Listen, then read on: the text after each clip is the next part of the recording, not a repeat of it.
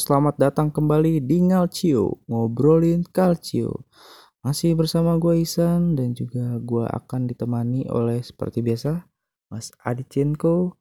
Seri A minggu ini akan kembali dimulai Giornata 20 di mana itu adalah awal dari paruh kedua musim ini seperti sama-sama kita tahu juga minggu lalu kita menyaksikan beberapa partai menarik di Coppa Italia dan juga di kemarin beberapa hari lalu ada Super Coppa Italiana yang dimenangkan oleh Juventus. ngomong ngomong-ngomong Coppa Italia ya, minggu lalu kan di episode sebelumnya kan kita bahas nih apa Coppa Italia ini bakal jadi panggung untuk para pemain yang biasa duduk di bangku cadangan dan juga para pemain muda ya. Nah, ngomong-ngomong pemain muda nih, uh, sejauh ini nih mungkin kita banyak lebih menyoroti para pemain yang sudah 30 tahun atau seperti ya stereotip Liga Italia ya. Kalau apa liganya orang tua lah segala macam lah. Padahal di musim ini menurut gue nih banyak nih aksi-aksi pemain muda yang mencuri perhatian nih ya. Seperti Piatek, Kutrone, Lautaro Martinez ya dan juga ada beberapa bintang-bintang di Roma, bintang-bintang muda Roma seperti Cengiz Under, ada Justin Clifford, uh, bahkan Fiorentina tuh satu tim tuh dan mereka tuh, ya kan pemain muda semua. Ya di Napoli juga ada Fabian Ruiz, terus salah satu tandem apa Piatek juga di Genoa, Koame juga masih muda. Nah, gimana nih menurut Mas Adit nih? Bagaimana nih pemain-pemain muda ini sejauh ini di Serie A dan apakah nantinya mereka bisa berkembang? Atau justru seperti para pendahulu-pendahulunya nih yang sudah digadang-gadang wah ini bakalan jadi pemain top nih. Namun sayangnya di tahun-tahun sesudahnya mereka justru flop terus banyak cedera dan segala macam lah ya menurut gue sih kalau salah satu yang cukup mengganggu ya itu perbandingan-perbandingan dari pemain muda nih misalnya. Wah ini bakalan the next Inzaghi nih atau the next Pirlo nih. Nah menurut gue sih itu cukup mengganggu nih. Gak tahu nih gimana menurut Mas Adit nih. Ya Serie A selain dikenal sebagai liga apa namanya liga petani ya katanya. Ada juga yang dibilang liganya para pemain-pemain tua pemain veteran ya. Uh, karena emang banyak sekali pemain-pemain berusia di atas 35 tahun yang emang masih uh, menjadi tulang punggung klub Serie A katanya gitu kan. Nah gue sih emang kalau apa namanya kalau berbicara fakta ya emang gak salah-salah banget sih ya.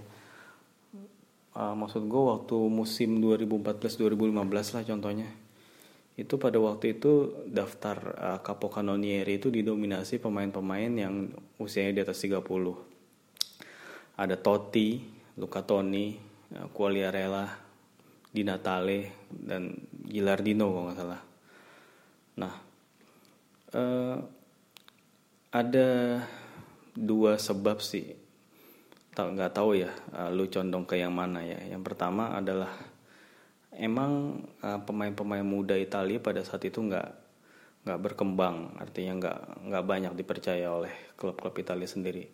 Atau yang kedua kualitas dari para veteran itu emang emang masih bagus gitu, masih bisa diandalkan. Nah, gue sih condong ke pendapat yang kedua ya, yang mana dari nama-nama tadi yang disebut ya, dari Totti sampai Gilardino itu emang emang pemain yang istimewa ya, artinya mereka mereka emang punya talenta, mereka punya karakter, mereka punya sikap, uh, kepribadian yang emang menunjang mereka itu untuk bisa bermain di level tertinggi ya dalam waktu yang lama gitu. Mereka bukan pemain-pemain one season wonder atau pemain yang dua tiga musim bagus terus habis itu langsung turun. Enggak, mereka tuh emang emang dari awalnya emang pemain berkualitas ya sehingga pada saat mereka usia semakin tua semakin bertambah itu kelihayan mereka dalam membaca permainan, dalam hal taktikal, dalam efektivitas itu makin menjadi ya dan membuat mereka tuh jadi dibutuhkan oleh klub gitu. Artinya bukannya mereka bukannya nggak ada pemain muda yang bagus ya tapi emang mereka ini emang susah digeser gitu.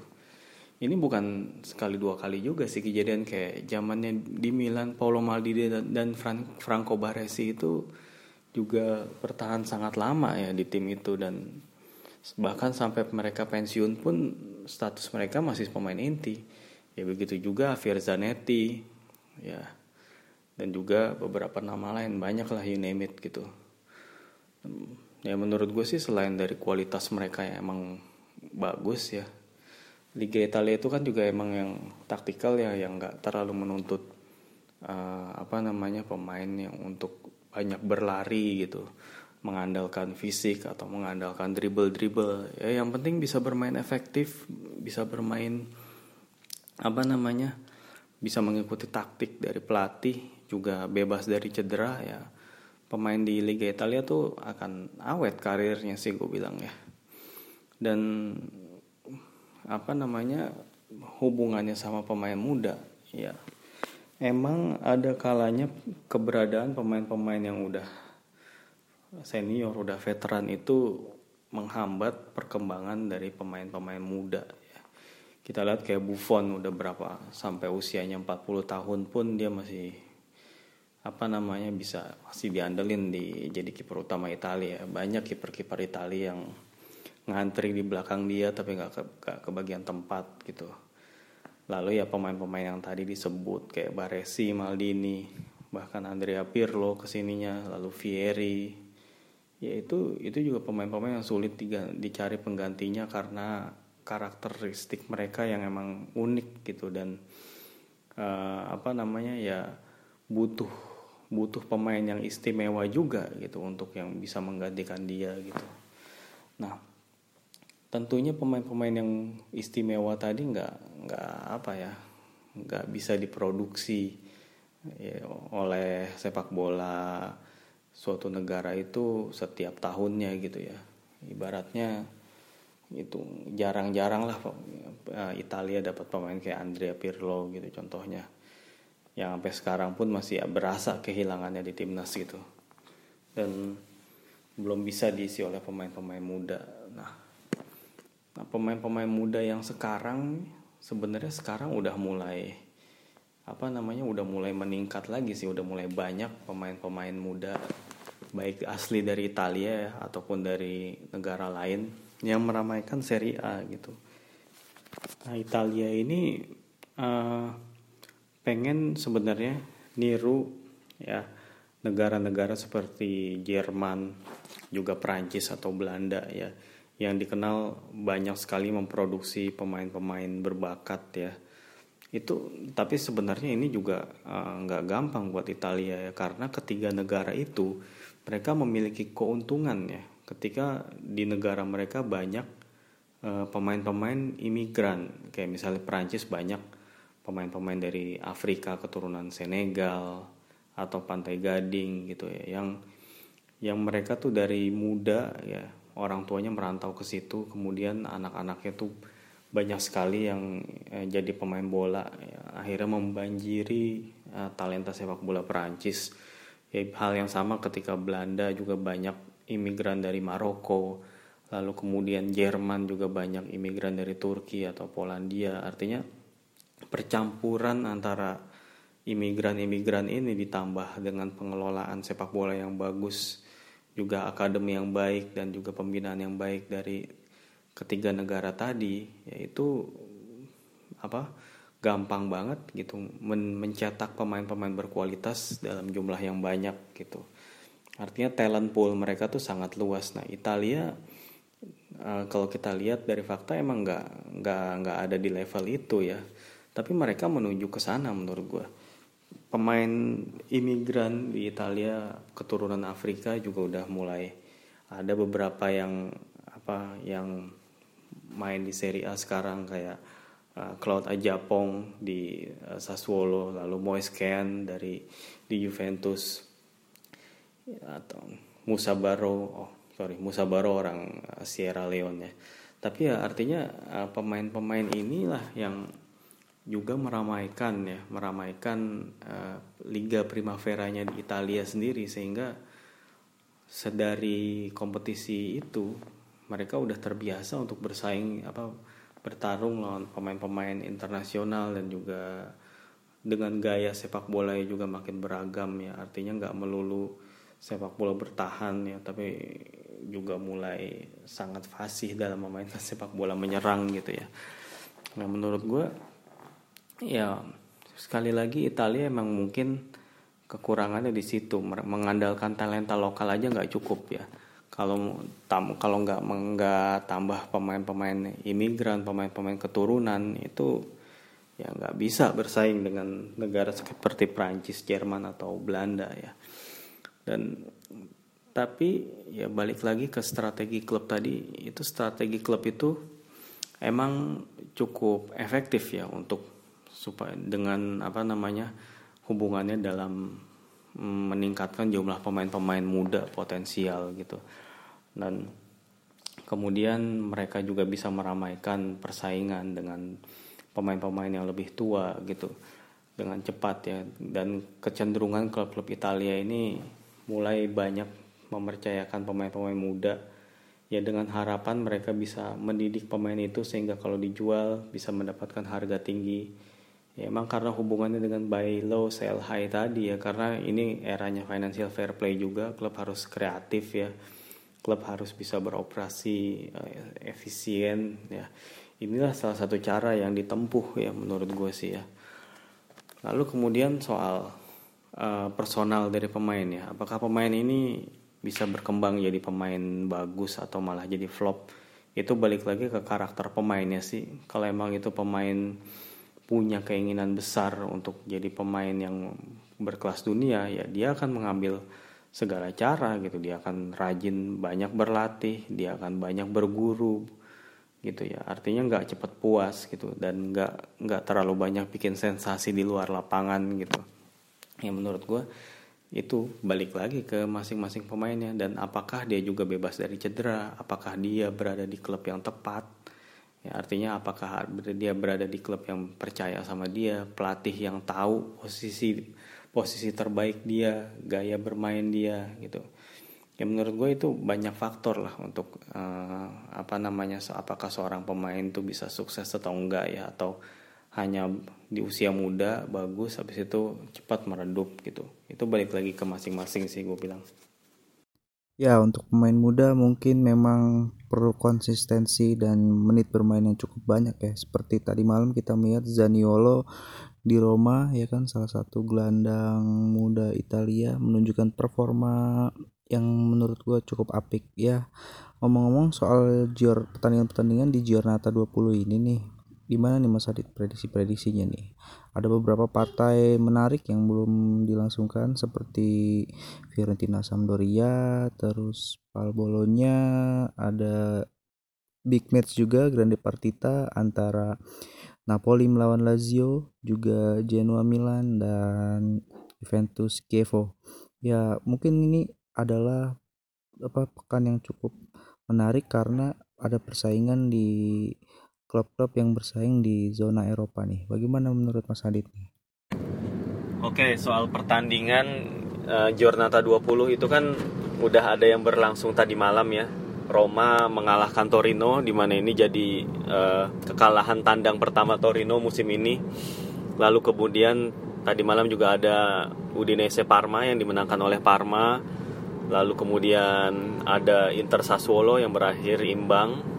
Nah, nanti malam juga ada sih beberapa pertandingan tapi yang lumayan menarik perhatian tuh ada dua yaitu Fiorentina Sampdoria dan Spal lawan Bolonya. Kalau Fiorentina eh, Sampdoria ini jelas pertandingan dua tim top half ya. Artinya mereka ini sama-sama berpeluang untuk menduduki uh, zona Eropa. Walaupun saat ini uh, Sampdoria lebih unggul ya unggul 3 poin dari Fiorentina. Dan mereka juga secara keseluruhan ya dari paruh pertama tampil lebih konsisten daripada Fiorentina ya. Tapi kita juga nggak tahu karena uh, untuk malam nanti pertandingan ini berlangsung di kandang Fiorentina. Di mana ya jelas Fiorentina bermain di kandang itu memberikan keuntungan lebih ya. Apalagi Federico Chiesa juga sedang uh, cukup uh, on fire ya.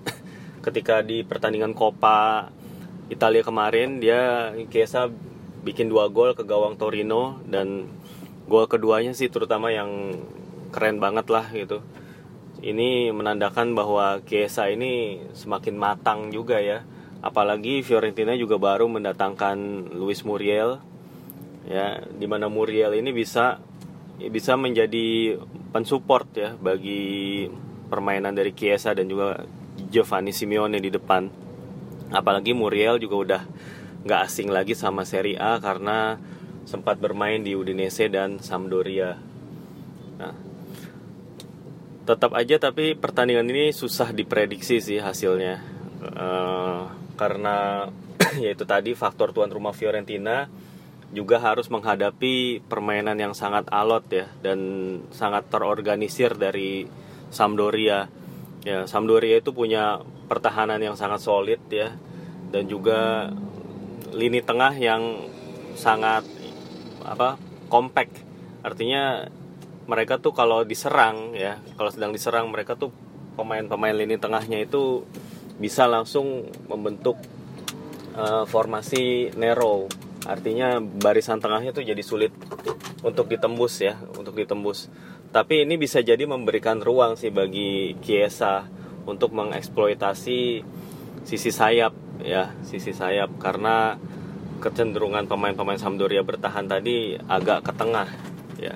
Tapi kita lihat aja ya menurut gue sih mungkin ya Fiorentina sedikit punya keuntungan di pertandingan ini. Walaupun semuanya itu tergantung dari bagaimana eksekusi pemain-pemain depan ini di lapangan gitu ya yang akan banyak menentukan hasil pertandingan. Lalu kemudian Spal Bolonya ya Bolonya dalam keadaan krisis kalau gue bilang. Ya mereka eh, tampil nggak impresif sepanjang putaran pertama dan menduduki zona degradasi dan mereka juga udah mulai berjarak tiga poin ya dengan uh, batas aman. Artinya kalau mereka kembali kalah ya, kembali kehilangan poin, ini mereka akan semakin tertinggal jauh ya dan kalau semakin tertinggal jauh tentu akan semakin sulit untuk apa bisa bertahan di Serie A musim depan. Nah di sinilah posisi pelatih dari Pippo Inzaghi ini akan cukup terancam ya kalau dalam dua atau tiga pertandingan berikutnya dia kembali kalah gitu ya termasuk di pertandingan ini bisa jadi dia akan akan dipecat ya. Ini juga masuk akal karena apa bolonya ini sendiri udah mendatangkan dua pemain yang cukup bagus cukup berpengalaman di Serie A yaitu Roberto Soriano dan Nicola Sansone.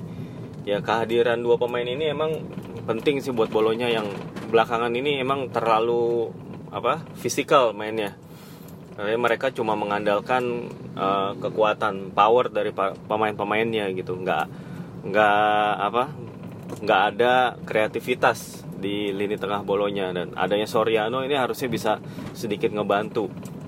Juga Sansone ya dengan kecepatan yang dia punya ya dia bisa menjadi pembuka ruang atau atau justru dia bisa menjadi penyuplai bola bagi uh, Federico Santander Nah, lawan Spal ini Spal kan sebenarnya tim yang cukup apa cukup berani bermain menyerang ya. Nah, menghadapi bolonya yang biasanya bisa bermain solid di belakang kalau bermain tandang, ya ini kita akan lihat ya apakah Spal ya dengan Mirko Antenucci uh, mampu uh, membongkar pertahanan bolonya atau justru bolonya yang akan dengan cepat memanfaatkan serangan balik. Ya gitu aja. Lalu kemudian pertandingan uh, besoknya hari Senin itu malah seru-seru sih. Ada Napoli Lazio dan juga Genoa Milan. Nah Napoli Lazio sih terutama yang bisa dibilang big match untuk uh, pekan ini. Di mana Napoli masih cukup nyaman menduduki posisi ketiga dan ini eh posisi kedua sorry. Ini menjadi kesempatan juga sih buat Napoli karena Inter uh, kemarin membuang poin. Jadinya ketika mereka bisa mengalahkan Lazio itu mereka akan mengambil jarak dengan Inter. Gitu. Ini tentu akan menjadi motivasi sih bagi uh, anak asuhan Carlo Ancelotti ya untuk bisa mengalahkan Lazio. Tapi harus diingat juga Lazio sangat sangat sulit untuk dikalahkan ya. Apalagi kalau sekarang Simone Inzaghi ini udah apa udah pemain-pemainnya udah mulai kembali ya. Udah mulai kembali ke performa terbaik ya. Stefan Milinkovic or sorry Sergej Milinkovic Savic itu udah udah mulai bisa bikin-bikin gol dan juga mulai kembali juga performanya setelah Piala Dunia ya ini ini jadi indikasi juga kebangkitan Lazio nanti di putaran kedua Nah, di pertandingan melawan Napoli ini mereka Lazio jelas punya peluang untuk mencuri poin, tapi dengan motivasi yang lebih besar ya untuk terus menempel Juventus dan menjauhi Inter. Gue rasa sih Napoli punya keuntungan apalagi pertandingan juga berlangsung di San Paulo ya. Nah, Genoa Milan ini nih yang pertandingannya sebenarnya kalau secara teknikal ya biasa-biasa aja ya, tapi ini karena ada cerita uh, transfer pemain yang melibatkan kedua pemain di masing-masing kubu ya ada Christoph Piatek di Genoa dan Gonzalo Higuain di Milan.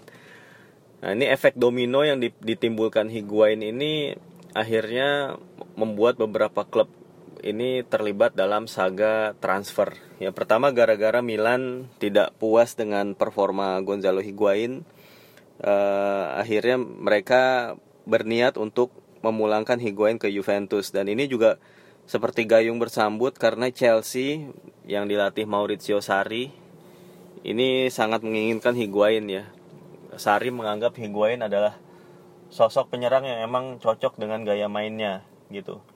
Dan akhirnya ya seperti yang pernah dibahas, Milan harus uh, bersama Juventus uh, menegosiasi dulu untuk uh, menyelesaikan loan dari Higuain lalu kemudian baru Juventus dan Chelsea bernegosiasi untuk uh, peminjaman Higuain berikutnya gitu. Nah, kondisi ini kemudian membuat posisi Milan kan di di lini depan jadi kosong ya, jadi lowong. Ini ini dengan catatan uh, transfer belum resmi loh ya. Ini masih di tahap-tahap akhir gitu ya. Tapi seandainya emang ini terjadi gitu ya. Milan kan jelas butuh pengganti dan Leonardo sih menganggapnya Christoph Piatek ini sebagai sosok pengganti yang ideal gitu.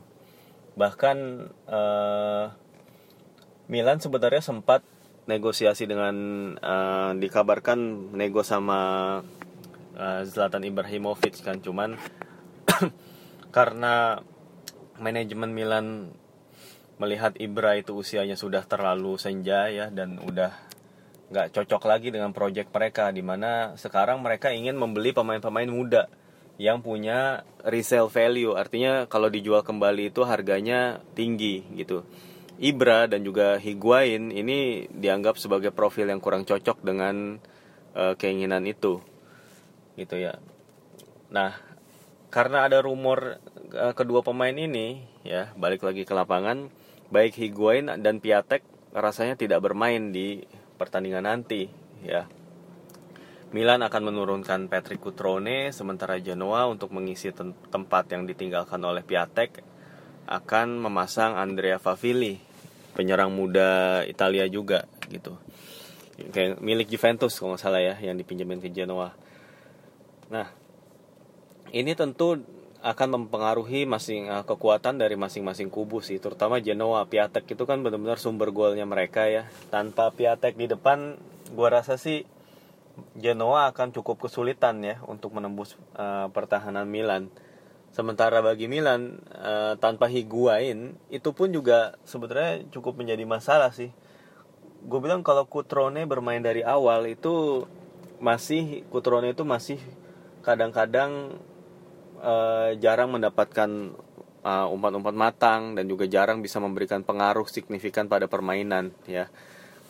Berbeda dengan Higuain yang yang dia punya apa kontrol bola yang lebih baik dia punya visi yang lebih baik dia bisa menjemput bola. Walaupun itu dengan gaya bermain seperti itu dengan tuntutan bermain seperti itu dari Gattuso pada Higuain itu bikin uh, apa namanya bikin gol Higuain jadi seret sih. Itu harus harus diakui ada penyebab dari semua itu gitu. Nah kalau Milan memainkan uh, Cutrone di depan artinya Cutrone ini sangat tergantung dari suplai bola ya suplai bola yang diberikan oleh rekan-rekannya. Nah pertanyaannya bisakah ya pemain seperti Calhanoglu kemudian Suso atau Castillejo atau Lucas Paqueta itu bisa nggak ngasih supply bola yang benar-benar memadai kepada Kutrone untuk bisa bikin gol? Ya kalau emang sulit ya pemain-pemain lini kedua inilah yang diharapkan bisa mendobrak ya bisa bisa melepaskan tendangan-tendangan umpan-umpan silang sehingga menciptakan peluang gitu. Dan menurut gue udah saatnya juga Andrea Conti ini diberikan kesempatan sebagai starter sih. Gue rasa dia udah cukup fit dan udah apa udah bisa memberi pengaruh signifikan ya. Karena Conti ini punya crossing yang sangat bagus ya. Dibandingin dengan Abate atau Calabria Conti ini punya kemampuan umpan silang yang benar-benar kayak pemain winger lah gitu. Dan dia juga punya speed punya skill dan uh, kalau dia main itu serangan Milan jadi lebih hidup gitu ya. Menurut gue udah saatnya apalagi Kutrone kan juga cukup lihai lah dalam positioning dalam menyambut umpan-umpan silang. Gua gua rasa sih nggak ada salahnya uh, Gattuso mulai berani menurunkan Conti. Kalau memang nggak berani dari menit awal, setidaknya dari awal-awal babak kedua lah. Jangan di 10 menit terakhir atau 15 menit terakhir. Ya, menurut gue itu. Dan kalau Milan bisa mengatasi problem itu, gue rasa sih bermain di kandang Genoa nggak masalah buat Milan. Apalagi uh, Milan juga harus uh, ini kewajib tiga poin ini seperti kewajiban sih buat Milan kalau ingin tetap bersaing ya karena kemarin Roma juga menang sehingga untuk sementara Roma menduduki posisi keempat dan Lazio bertemu Napoli dan ada kemungkinan ya Lazio bisa drop point melawan Napoli. Nah inilah adalah kesempatan sih bagi Milan Inter juga seri ya mereka bisa memperkecil jarak. Nah ini Gattuso harus pintar-pintar memotivasi para pemainnya ya. Kalau soalnya kalau gagal menang, gua rasa sih uh, manajemen Milan bakal marah banget sih sama Gattuso dan bisa jadi posisinya akan kembali digoyang gitu ya.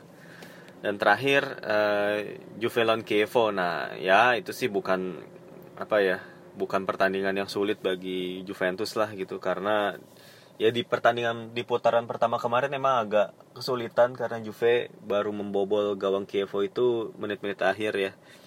Tapi sekarang sih ya dengan kondisi tim yang udah jauh lebih solid ya, uh, tentu saja bukan perkara yang uh, sulit juga lah bagi Juventus untuk bisa ngalahin Kievo.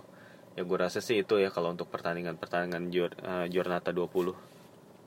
Oke mas, ya ini pertanyaan terakhir nih mungkin.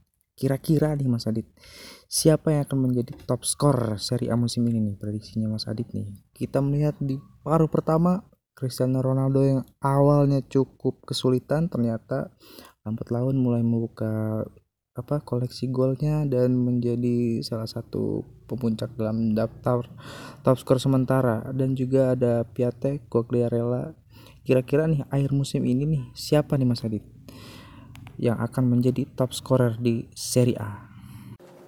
Ya untuk daftar Capocannonieri nih atau top score ini menurut gue musim ini ada lima sih pemain yang berpeluang untuk terus bersaing hingga akhir musim ya, ke posisi itu ya. Yang pertama tentu Cristiano Ronaldo ya yang saat ini jadi pemimpin daftar top score. Lalu kemudian ada Christoph Piatek yang juga tampil mengejutkan. Yang ketiga Mauro Icardi ya ya kita nggak bisa nggak pernah bisa mencoret Icardi dari daftar itu karena dia salah satu raja gol di sepak bola Italia. Lalu kemudian ada uh, Ciro Immobile ya di posisi selanjutnya. Dan satu lagi tentunya Fabio Quagliarella ya pemain yang sedang on fire ya. Tapi kalau kita kerucutkan menjadi uh, tiga nama gua dengan berat hati akan mencoret Quagliarella dan Piatek. Kenapa? Karena ya bisa jadi Quagliarella ini form ini baru sebatas formnya aja gitu. Artinya kalau nanti dia suatu saat off form lagi, ya karena faktor usia karena misalnya faktor kebugaran ya atau bisa jadi kalau Sampdoria mendatangkan penyerang lain di bursa transfer ini seperti rumor uh, Patrick Schick ini bisa jadi akan mengurangi uh, peluang Quagliarella untuk terus uh, reguler bikin gol sih. Gua rasa itu. Ya walaupun gue personally berharap Quagliarella tetap uh, jadi pemain inti dan dia bisa terus konsisten karena dengan kemampuan dia, dengan skill yang dia punya, dengan uh, kebiasaannya bikin gol-gol spektakuler, gue sih berharap Quagliarella tuh bisa bikin dua lebih dari 20 gol musim ini gitu ya dan ini tentu bisa membuka uh, mata dari Roberto Mancini untuk memanggilnya ke timnas. Gua rasa Quagliarella masih sangat layak ya. Dan kedua yaitu Piatek ya. Kenapa gue mencoret Piatek? Karena kalau ya, ini juga ini masih hipotetikal ya. Kalau dia pindah ke Milan ya, belum tentu dia bisa langsung beradaptasi dengan permainan Milan dengan tuntutan apalagi dia dia akan dibebani target yang sangat tinggi oleh petinggi-petinggi Milan ya. Nah, kalau dia bisa langsung cocok dengan skema permainan Milan, ya itu bagus. Dia bisa terus lanjut uh, bikin golnya. Tapi kalau enggak, nah kita nggak tahu nih. Soalnya di Milan ini kayaknya posisi penyerang tengah ini dalam beberapa tahun jadi kayak jadi titik lemah terus ya. Bahkan ketika bisa mendatangkan sosok sekali berhiguain itu masih belum juga mecahin masalah gitu ya. Sejak zamannya Ibra pergilah gitu. Milan masih belum juga nemuin pengganti yang sesuai pengganti yang bisa bikin setidaknya 20 gol dalam semusim gitu. Nah dari sosok Piatek inilah Milan berharap ya tapi kalau di tengah musim ya ini di tengah musim di mana uh, Piatek bisa jadi harus banyak sekali yang dia pelajari ya. Banyak sekali proses adaptasi dia proses mengenal rekan-rekan satu tim itu yang akan memakan waktu ya. Kecuali kalau emang Piatek ini udah bener-bener siap bener-bener langsung bisa menyatu ya dia bisa terus bersaing di daftar top score ya. Dan ini kemudian membawa kita uh, mengerucut kepada tiga nama yaitu Ronaldo, Icardi dan Immobile. Ya kita tahu ya tiga pemain ini punya berbagai cara untuk bikin gol ya. Dan punya spesialisasi masing-masing lah gitu uh, Immobile dengan kekuatan fisiknya yang powerful juga skillnya.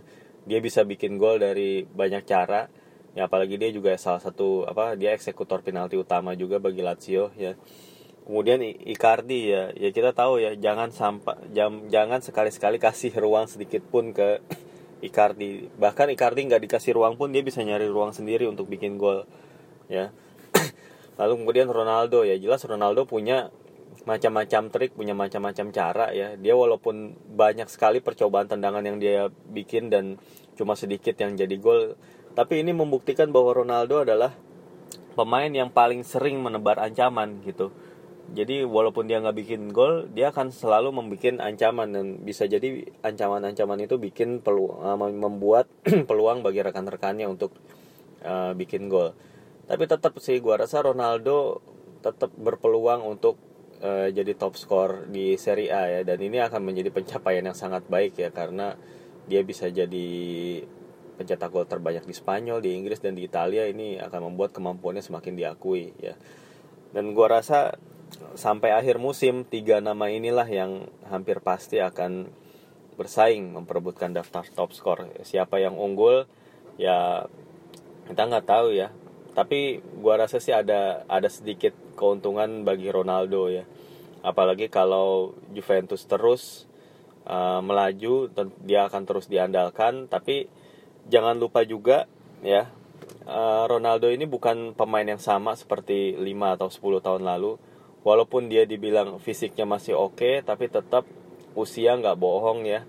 Bisa jadi takutnya kalau dia dipaksain main terus dia bisa cedera. Ya inilah yang harus di, dihindari oleh Juventus karena pada saat uh, Ronaldo bermain di Madrid di bawah Zidane, Ronaldo itu uh, sering bukannya sering ya, kadang-kadang dia disimpan gitu supaya dia fit di Liga Champions. Mungkin ada ada kemungkinan juga Allegri akan melakukan hal yang serupa, menyimpan Ronaldo di Serie A demi fokus ke Liga Champions karena memang target utama Juve di Liga Champions kan. Paling ya faktor inilah yang bisa jadi uh, penghambat Ronaldo kalau dia ingin jadi top skor di Serie A. Mungkin faktor ini. Tapi itu pun tergantung dari pilihan yang dibuat oleh Juventus juga Allegri ya keputusan teknikal macam apa yang akan dia buat terha- terkait dari Ronaldo. Yang pasti pemain kayak Ronaldo kan selalu pengen dimainin di mana pun gitu ya di kompetisi mana pun dia ingin terus bermain. Tapi kan uh, walaupun si pemain ini tetap pengen main ya itu kan dia tetap nggak bisa meng mengabaikan nasihat-nasihat soal medis gitu ya dari staff medis dari tim pelatih dan juga Ronaldo harus diberi pengertian juga bahwa dia lebih diperlukan di Liga Champions misalnya gitu. Nah faktor inilah nih ntar kita lihat di bulan Maret apakah ya Juve udah melaju sejauh mana, Ronaldo udah bikin berapa gol. Nah ini bisa jadi uh, dari situlah Allegri berkompromi dengan Ronaldo dan kalau itu terjadi, ini tentunya akan memberi keuntungan bagi Icardi dan Immobile. Ya itu sih gue rasa uh, untuk uh, persaingan top score ya. Thank you. Ya, terima kasih banyak untuk kalian yang sudah mendengarkan podcast episode kali ini. Semoga apa yang telah kami sampaikan ini cukup bermanfaat. Dari kami cukup sekian. Wassalamualaikum warahmatullahi wabarakatuh. Forza Seria.